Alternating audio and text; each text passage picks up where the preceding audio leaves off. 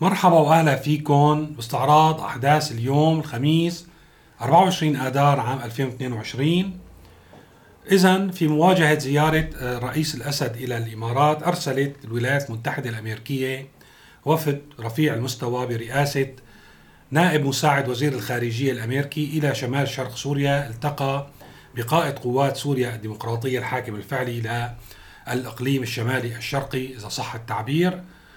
وأيضا حضر اللقاء بحسب وسائل إعلامية يعني آه، كردية كان في آه، الوفد أيضا نائب مساعد وزير الخارجية الأمريكي ونائبة مساعد وزير الخارجية الأمريكية لشؤون العراق ومدير ملف سوريا والعراق في مجلس الأمن القومي الأمريكي. طبعا هذه الزيارة آه، يعني ممكن الواحد يوصى بأنه أهم اللقاء يعني بالنسبة لسلطة أمر واقع لأن سوريا اليوم موزعة سلطات أمر واقع. فهو الموضوع أنه أنت بتلتقي بالإمارات لترفع رصيدك وتزيد شعبيتك.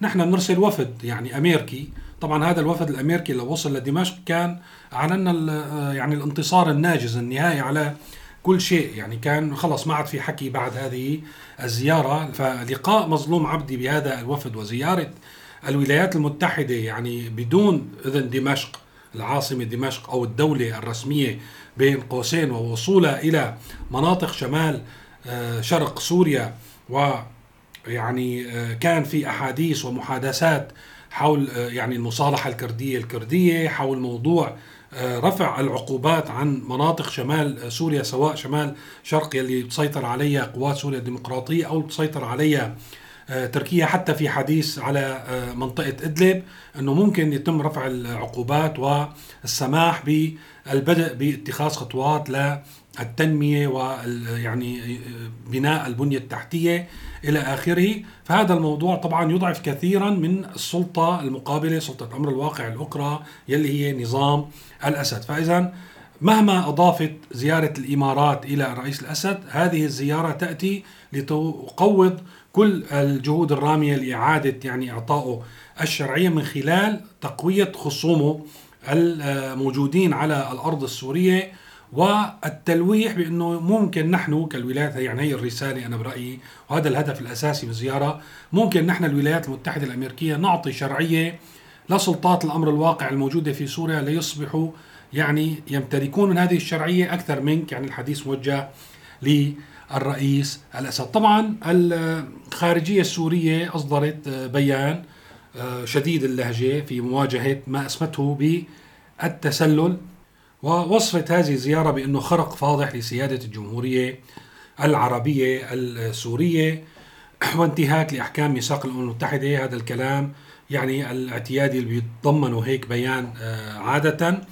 وأنه آه، الولايات المتحدة تمارس النفاق وهي لا يعني تهدف كما تدعي بأنها تريد أن تخفف المعاناة على السوريين الموجودين في تلك المناطق. وهي تصمم على بسط سيادة الدولة على كل الأراضي السورية وتحريرها من كل أشكال الاحتلال يعني يقصد الاحتلال الأمريكي والتركي فقط طبعا لأن الإيرانيين وروسيا أصدقاء.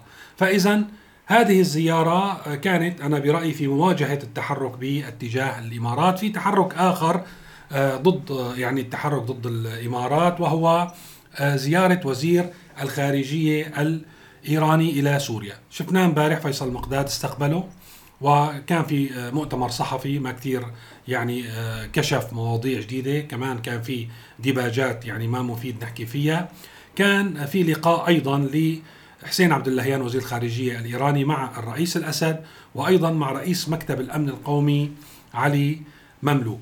هلا الحقيقة إنه عبد اللهيان بالتصريحات يعني الصحفية قال هو سعيد بالتقارب السوري يعني العربي ولكن على أرض الواقع لا يمكن أن يكون سعيد الحقيقة لأن مثل ما شفنا من خلال تسريبات اللقاء الثلاثي لبن زايد بالإمارات والسيسي مصر ورئيس وزراء إسرائيل كان في مطالب من سوريا تم نقلها لسوريا هيك فهمنا ب يعني الحد من التواجد الإيراني وتخفيف الوجود الإيراني في سوريا وهو لا يملكه يعني هذا الموضوع لا يملك النظام السوري أن ينفذه. وأكيد إنه إيران ما راح تكون سعيدة بهذا التقارب إذا كانت هي الثمن فهذا يعني غير منطقي. حقيقة إيران دائما ومثل ما أشرنا أكثر من مرة بتحاول دائما تظهر وجودها ونفوذها وحضورها خلينا نقول في سوريا بعد كل خطوة يقوم بها النظام السوري تجاه الدول العربية تتواجد من خلال زيارة المسؤولين رفيعي المستوى وإطلاق المواقف من قلب دمشق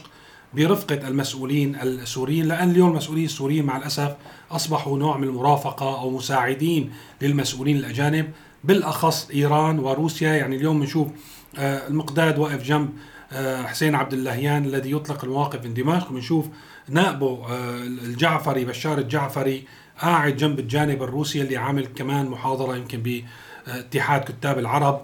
أيضا ليعلن عن العلاقات السورية الروسية وموقف سوريا من الحرب الأوكرانية. يعني يتم الإعلان عن هذا الموقف من خلال تواجد المسؤول الروسي. فاذا الحقيقة نحن لا نمتلك زمام اتخاذ قرار مستقل هذا الموضوع أشرنا عليه أكثر من مرة. ونرجع بنحكي بهذا الموضوع وبنعيد ونزيد لحتى نأكد هذه الحقيقة. حتى موضوع إعطاء الإمارات يعني امتيازات اقتصادية في سوريا غير قادر عليها النظام. ومثل ما شفنا السيطرة الإيرانية على يعني الطرق السيطرة على كثير من الثروات خروج مناطق الثروات الأساسية خارج يعني سيطرة النظام الدين الكبير لإيران وروسيا على النظام السوري والمطالبة بتسديد هذا الدين وإذا كان فعلا بده يسددوه بدهم يرهنوا سوريا بما فيها لعشرات السنوات القادمة تجعل قدرة النظام على إعطاء أي مكاسب لأي جهة أخرى جدا ضئيلة. وهذا الموضوع على فكرة بلسان الرئيس الأسد نفسه يلي بآخر لقاء مع تلفزيون العالم خلينا نسمع شو قال بهذا الخصوص هنا كذلك بالمقابل يعني آه، عدد من الدول العربية التي نتحدث عنها وكان لها دور ساهمت في الحرب وتدمير آه، سوريا آه، تحاول الدخول إلى الجانب السوري أو إلى الداخل السوري من خلال عملية إعادة الإعمار. ما الذي تقولونه في هذا الإطار ونحن نعرف يعني حتى نكون واقعيين أنه هذه الدول هي التي تمتلك رأس المال يعني هي التي تمتلك القوة المالية الكبيرة. كيف سيتم التعامل مع ذلك؟ إعادة الأعمار في سوريا آه، ليست عامل قلق بالنسبة لنا هي بحاجة لعاملين. أولا العامل البشري قبل العامل المالي. عندما تمتلك دولة مثل سوريا العامل البشري فستكون الكلف المالية بالنسبة لها أقل بالنسبة لإعادة الأعمار. هذا شيء آه، بديهي. ونمتلك كل هذه العوامل بالرغم من هجرة الكثير من الكفاءات سوريا بسبب الحرب لكن ما زال لدينا القدرة على البدء بإعادة الأعمار والدليل واضح لأن الدولة تتحرك وإعادة الأعمار بدأت يعني. أما بالنسبة للأموال فمن جانب آخر الشعب السوري لديه إمكانيات مالية رؤوس أموال قد لا يتوفر معظمها في سوريا خارج سوريا ولكن هناك رؤوس أموال تنتظر بدء إعادة الأعمار لكي آه، تبدأ بالاستثمار هناك من جانب آخر الدول الصديقة لديها قدرات ولديها رغبة ونحن لدينا رغبة أن تكون إعادة الأعمار بمشاركة منها لكي تستفيد ولكي نستفيد كسوريين من هذا إعادة الأعمار بالمحصلة نحن لسنا بحاجة لتلك الدول ولن نسمح لها أن تكون جزء من إعادة الأعمار على الإطلاق. فإذا من غير المرجح أنه سواء كان النظام يعني يريد أو لا يريد غير مرجح أنه يتراجع أو يصير في الحد من التواجد الإيراني في سوريا. هذا الموضوع أيضا جاء في مقال اليوم نشر على روسيا اليوم يلي بيعتقد كاتب المقال وطبعا اختيار روسيا اليوم آه، له غاية ما بيختاروا أي مقال وبيحطوه. في رسالة أو في تحليل في تأكيد بأنه إيران اليوم بحسب المقال أقوى بكثير من العام 2011 في سوريا وهي بنت شبكة من العلاقات مع الجيش ومع الأمن ومع وأيضا آه، شبكات آه، ذات تأثير مجتمعي وثقافي إلى آخره. وبالتالي المرجح أن يتعاظم النفوذ الإيراني في سوريا وألا يتراجع يعني أو يتم حده بحسب المقال وبحسب كل الدلائل الموجودة بين إيدينا. لا يمكن للنظام السوري أن يعني يقوم بتلبية المطالب العربية الإسرائيلية لكي يعني يعود إلى الجامعة العربية أو إلى علاقات طبيعية مع المحيط، طيب هون نسال حالنا سؤال ليش هيك عم بيعملوا الشباب؟ طبعا هن بيعرفوا إنه آه، يعني النظام لا يستطيع إنه يعطيهم هذا الطلب. الحقيقة كل الأطراف مرة ثانية إلى مصلحة باستمرار الأمور على ما هي عليه، وحتى في وهذا الموضوع ذكرته أكثر من مرة في تشابك إيراني في تشابك بالمصالح إيراني إسرائيلي إيران وجودها في سوريا يعطي الذريعة لإسرائيل لتسيطر عسكريا على سوريا وتصبح أجواء سوريا مفتوحة أمام الطيران الإسرائيلي ليضرب أي هدف في أي منطقة في سوريا. وبالتالي يعني آه، ننتهي من قصة الردع وقصة آه، توازن القوى اللي كانت مطروحة يعني سابقا وتصبح إسرائيل هي القوى العظمى الموجودة في المنطقة. وطبعا هذا بيعطيها مكاسب سياسية. شفنا امبارح رئيس الوزراء الإسرائيلي عم يناقش عودة سوريا إلى الجامعة العربية. هذا من خلال اكتسابها هذا النفوذ والسيطرة العسكرية على المنطقة. وإيران تطور هذه السيطرة الإسرائيلية وتعاظم وجودها هي تسوق إنه تعاظم للخطر على المنطقة وهي تريد أن تواجه هذا الخطر من خلال تعزيز تواجدها في سوريا وعلى حدود إسرائيل لكي آه، تحد من أطماع وطموح إسرائيل في التقدم في مشروعها فإذا هي مصلحة متبادلة للطرفين تقاطع مصالح يعني إذا ما بدنا نقول ما بنعرف نحن شو في بالخفاء ولكن هذا الواقع هيك عم بيصير. هذا العداء بين الطرفين يلي عم بيصير إنه الدولتين على الأقل عسكريا وسياسيا ونفوذ يتزايد في المنطقة على حساب القوى يعني الأخرى وحساب الدول الأخرى وخاصة العراق وسوريا ولبنان. في تركيا اليوم عشرات آلاف السوريين وصلتهم رسالة نصية يا جماعة نحن لغينا لكم الكملك يعني من الحكومة التركية والجهات المختصة. الكملك مقصود فيها أو تم إيقاف الكملك المقصود فيها هي بطاقة الحماية المؤقتة الوثيقة الأساسية اللي موجود اللاجئ السوري بتركيا بشكل نظامي ويتمتع بحق يعني السكن والحصول على معظم الخدمات. إلغاء بطاقة الحماية أو تعليقها هو كارثة. آه، عشرات الآلاف آه، في تقديرات أنه 150 ألف رسالة وصلت آه، اليوم ل 150 ألف سوري وصلت هذه الرسائل وبالتالي كان في قلق كبير. الناس اللي وصلوا لها الرسائل واللي ما وصل لهم الآن يعني فكروا بلكي خطوة أولى لحتى توصل آه، لغيرهم. وخاصة أنه يمكن أن يترتب مثل ما حكينا أنه يحرموا من كثير من الخدمات. يمكن يصيروا بتهديد الترحيل بأنه صار وجودهم غير نظامي. وكان في سيناريوهين بتفسير هذا الموضوع. السيناريو الأول بأنه كان طلبت الحكومة التركية من السوريين يلي هن بالملايين تقريبا 4 ملايين بتوثيق مكان سكنهم بطريقة معينة وفق إجراءات معينة. في من السوريين ما تقيدوا بهذا الموضوع وبالتالي هدول من يلي ما تقيدوا بالموضوع يجب عليهم مراجعة الجهات المختصة لحتى يعني يتمموا هذا الموضوع. ولكن وصول الرسائل لأشخاص كان عندهم بطاقة حماية يعني مؤقتة وأصبحوا أتراك يعني أخذوا الجنسية. أو ناس صار عندهم إذن عمل. وبالتالي من غير المنطقي أن يأتي لهذا الشخص اللي ما معه أصلا بطاقة حماية مؤقتة إنه والله لغينا لك بطاقة الحماية المؤقتة. فصار في سيناريو آخر في التفسيرات والأخذ والرد على شبكات التواصل الاجتماعي ومن خلال بعض النشطاء يلي تابعوا الموضوع. قالوا لا هي رسائل عشوائية يعني هي عينة عشوائية بتوصل للكل. اللي مخالف لحتى ينتبه ويروح يظبط أموره يلي أوضاعه نظامية وما مخالف ما في عليه مشكلة. هلأ هون السؤال هل فعلا بالمصادفة ممكن أن يعني يتم إرسال 150 ألف رسالة بشكل عشوائي أو بشكل خاطئ أو إلى آخره؟ الحقيقة لا ما ما ممكن. أنا فيني شبه لكم هذا الحدث بحدث صار بسوريا وقت رفعوا الدعم وفق البطاقة الذكيه على أيضا عشرات آلاف السوريين وقالوا لهم يلي نحن غلطانين معه يجي يعترض. وهلا صار شغلة يعني ثلاث شهور.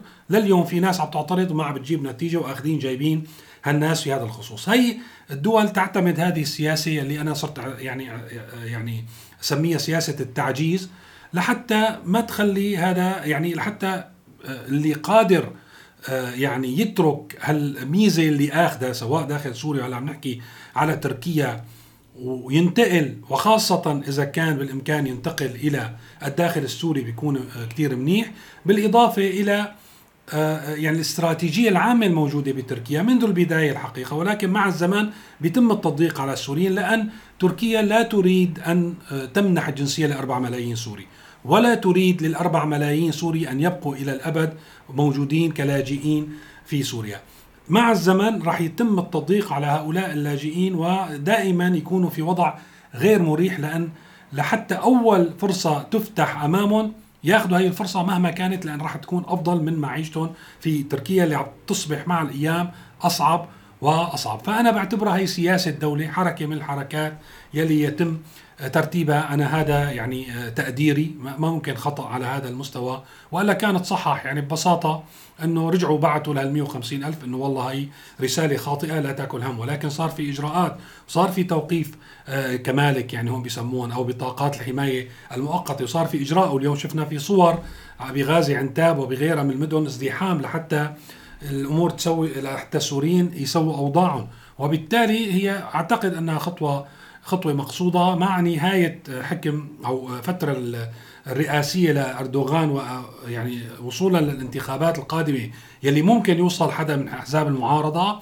الأمور راح يعني تصير أضيق فأضيق على السوريين وتركيا راح تضغط باتجاه يعني إيجاد حل في سوريا. إذا ما تم إيجاد الحل لعودة الناس لمناطقها راح تدفع باتجاه إعادة يعني آه، مئات آلاف السوريين إلى المنطقة العازلة وراح تدعو الاتحاد الأوروبي وباقي الدول على مساعدتها بإنجاز هذه المنطقة بأسرع وقت ممكنة مستغلة الظروف الإقليمية والدولية الحاصلة في الوقت الراهن. الولايات المتحدة عم نتابع حركتها مو بس بالشمال الشرق عم تعمل له مشاكل للنظام في الجنوب. اليوم تم اغتيال أيضا آه، رئيس مجلس مدينة الصنمين وهي أحد المدن الكبيرة الموجودة في آه، ريف درعا وهي رابع عملية اغتيال. التحركات حكينا عليها امبارح مع الفصائل المسلحة وإعادة نشاط هذه الفصائل وبداية يعني وصل بين وبين جهات يعني خارجية في الأردن غرف عمليات في الأردن. آه، يعني بتوقع القادم راح آه، يوضح كثير من الأمور بهذا الموضوع. السويدة أيضا حكينا عليها. بالسويدة لأن النظام غير قادر يطبق باقي السيناريوهات يلي طبقهم بغير مدن يقتحمها عسكريا يقصى يهجر سكانها حكينا بهذا الموضوع إلى خصوصية ومع إصرار يعني وجود إصرار على متابعة الاحتجاجات ومتابعه إنه يصير للسويدة وضع خاص على ما يبدو في مزاج عام بهذا الموضوع. راح يلجأ النظام لاثاره الفتنة، كيف بده يثير الفتنة؟ يعني منطقة من شكل آه، واحد راح يعني يلعب على الاصطفافات السياسية لا شك وعلى موضوع يعني شو بيضل عنا آه، مثل ليبيا يعني العشائر والعوائل. ففي آه، حدث لفت نظري وأعتقد إنه هذا الحدث مانو صدفة على الإطلاق. رب عائلة من آل الجرماني بيكون مع زوجته وأولاده يتم الإطلاق إطلاق النار عليه من قبل فصيل مسلح. بعد بأيام بيموت متأثر بجراحه وفي طفل من أطفاله بحالة حرجة. يكتشف بأنه الذي أطلق عليه النار جماعة اسمها المقاومة الشعبية مرتبطه مرتبطة بأمن آه، الدولة ويقودها شخص من عائلة أخرى كبرى أيضا من بيت نمور اسمه خالد آه، نمور. بيصير في مطالبة بالقصاص من خالد آه، نمور ولكن اللي بيصير إنه بيسلموا عناصر من المقاومة الشعبية على أساس أطلقت النار على هذه السيارة بالخطأ. الجرماني ما بيشكل عندهم هذا الموضوع القبول وبيطالبوا بمحاسبة خالد نمور بذاته يلي هو بيتزرع أنه كان بجنازة وما كان موجود أصلا على آه، كل هذا الحدث أو بهذا الحدث أو ما كان هو أحد العناصر اللي أطلقوا النار. ولكن بيدفع الجرماني بأنه هو المسؤول عن المقاومة الشعبية وأكيد العملية تمت بالتنسيق. معه المهم مثل هالحوادث ممكن تخلق آه، يعني خلينا نقول انشقاقات داخل المجتمع مجتمع السويدة نفسه يلي هو مثل ما قلنا في أرضية أساسا للخلاف السياسي بين مؤيد ومعارض وأيضا في تيارات كثيرة ما اليوم في صدد آه، ذكرى. واللعب على هذا الوتر لأن عادة هيك حوادث ما بتيجي آه، بشكل مصادفة. ممكن يكون وراها مخطط أمني ممكن يكون وراها النظام السوري لإشعال الفتنة. في السويداء نفسها ويجب الانتباه إلى هذا الموضوع. الموضوع الأخير والهام يلي هو موضوع يعني الوضع المعيشي، الاقتصاد، الانهيار، ارتفاع الأسعار، تهديد سعر صرف الليرة السورية بأنه يعني أيضا ينهار يعني يرتفع سعر صرف الدولار. هالأمور كلها لازم ناخذها بعين الاعتبار ونكون صحيين لأي مؤشر بيظهر قدامنا لحتى نحسن نعرف بالمستقبل القريب شو بده يصير. طبعا بدنا ناخذ بعين الاعتبار ما يحدث بلبنان الأزمة المالية الموجودة بلبنان المشاكل اللي عم بتصير بالبنوك استهداف المسؤولين يعني في المصرف المركزي إضراب المصارف عن صرف مبالغ للناس. طبعا نحن رح نتأثر في ارتباط بشكل أو بآخر أيضا مو موضوعنا اليوم في ارتباط قوي بين ما يحدث بلبنان من هذه الناحية وسوريا. في خبر اليوم الحقيقة أثار يعني قلقي بشكل أو بآخر. خبر بيقول مواطنون دفعات مصرف توفير طرطوس بالقطارة والإدارة توضح. يعني الخبر عم بيقول بأنه في شكوى من المواطنين في تحديد لعمليات السحب اليومية للمواطن العادي مو للتاجر الصناعي. هذاك مطبق من فترة لتثبيت سعر صرف الليرة السورية. اليوم هذا مؤشر. طبعا هون رصدوا حوادث مو بالضرورة تكون الحوادث الوحيدة. ممكن هلأ وأنا عم بحكي كثير من الناس ويا ريت يكتبوا لنا بالتعليقات إذا كان في شيء مماثل صار معهم إنه آه، في أحد الزبائن يعني المصرف حاولت تسحب مبلغ بنتها بدها عملية جراحية ما أعطوها غير خمسين ألف ليرة سورية وتلفزيون الخبر وصل لمدير المصرف خلينا نقرأ آه، يعني شو التبرير آه، تبعه يلي بيبين بشكل أو بآخر إنه فعلا المصارف اليوم بسوريا عم بتعيش أزمة سيولة وهذا نذير يعني آه، يعني خطر الحقيقة. بيقول مدير المصرف لا سقف ثابت للمبالغ التي يمكن سحبها يوميا. يعني هو بيقول لا سقف للمبالغ وبيقول لك إنه حاليا ممكن تسحب 500 ألف يعني ما يعادل بقيمة الدولار الحقيقية 100 دولار. إذا بسعر السوق السوداء تقريبا بيحق لك تسحب بالنهار 150 دولار ولكن بالليرة السورية يلي هي 500 ألف. هون لازم ننتبه لهذا التعبير. هذا الأمر يكون وفقا للسيولة المتوفرة حيث نقوم بتوزيع السيولة التي تأتينا من المركزي على المكاتب والفرع بشكل يومي. فإذا وقت هل 500 ألف يلي هو قايل مرة كانت 200 مرة 300 اليوم قرر 500 شكاوي إنه اليوم ما عم يعطوه غير 50 ألف. شو هو اللي بيحدد هذا الموضوع؟ هي السيولة يلي بتيجي من البنك المركزي وعلى ما يبدو السيولة اللي عم تيجي من البنك المركزي للمحافظات قليلة. وهذا طبعا مؤشر وهذا نذير بأنه مع آه، سياق دائما بنقول الحدث يعني والله واحد راح على البنك بده آه، مبلغ معين اعطوه خمسين ألف. حادث لحاله هيك ما بيعني شيء ولكن في سياق الأزمة الاقتصادية الكارثة الاقتصادية اللي عم يعيشها سوريا الأزمة النقدية الأزمة الحكومية ونقص الموارد والنظام مأزوم بشكل كبير فيما يتعلق بموارده وطرق إمداده وتمويله ممكن جدا أنه يكون هذا مؤشر لحتى نحن يعني نح نلحق لبنان في مثل هذه الإجراءات ويتم تحديد عمليات السحب بمبالغ صغيرة وصولا إلى يعني وجود انقطاعات أو إيقاف لعمليات السحب بالليرة السورية بحسب تطور الأزمة وبحسب يعني هذه الأزمة آه، إلى أي مدى ستسوء مع الظروف الدولية والإقليمية في المنطقة. هذا كل شيء بدي أحكيه لليوم. شكرا لمتابعتكم وإلى اللقاء.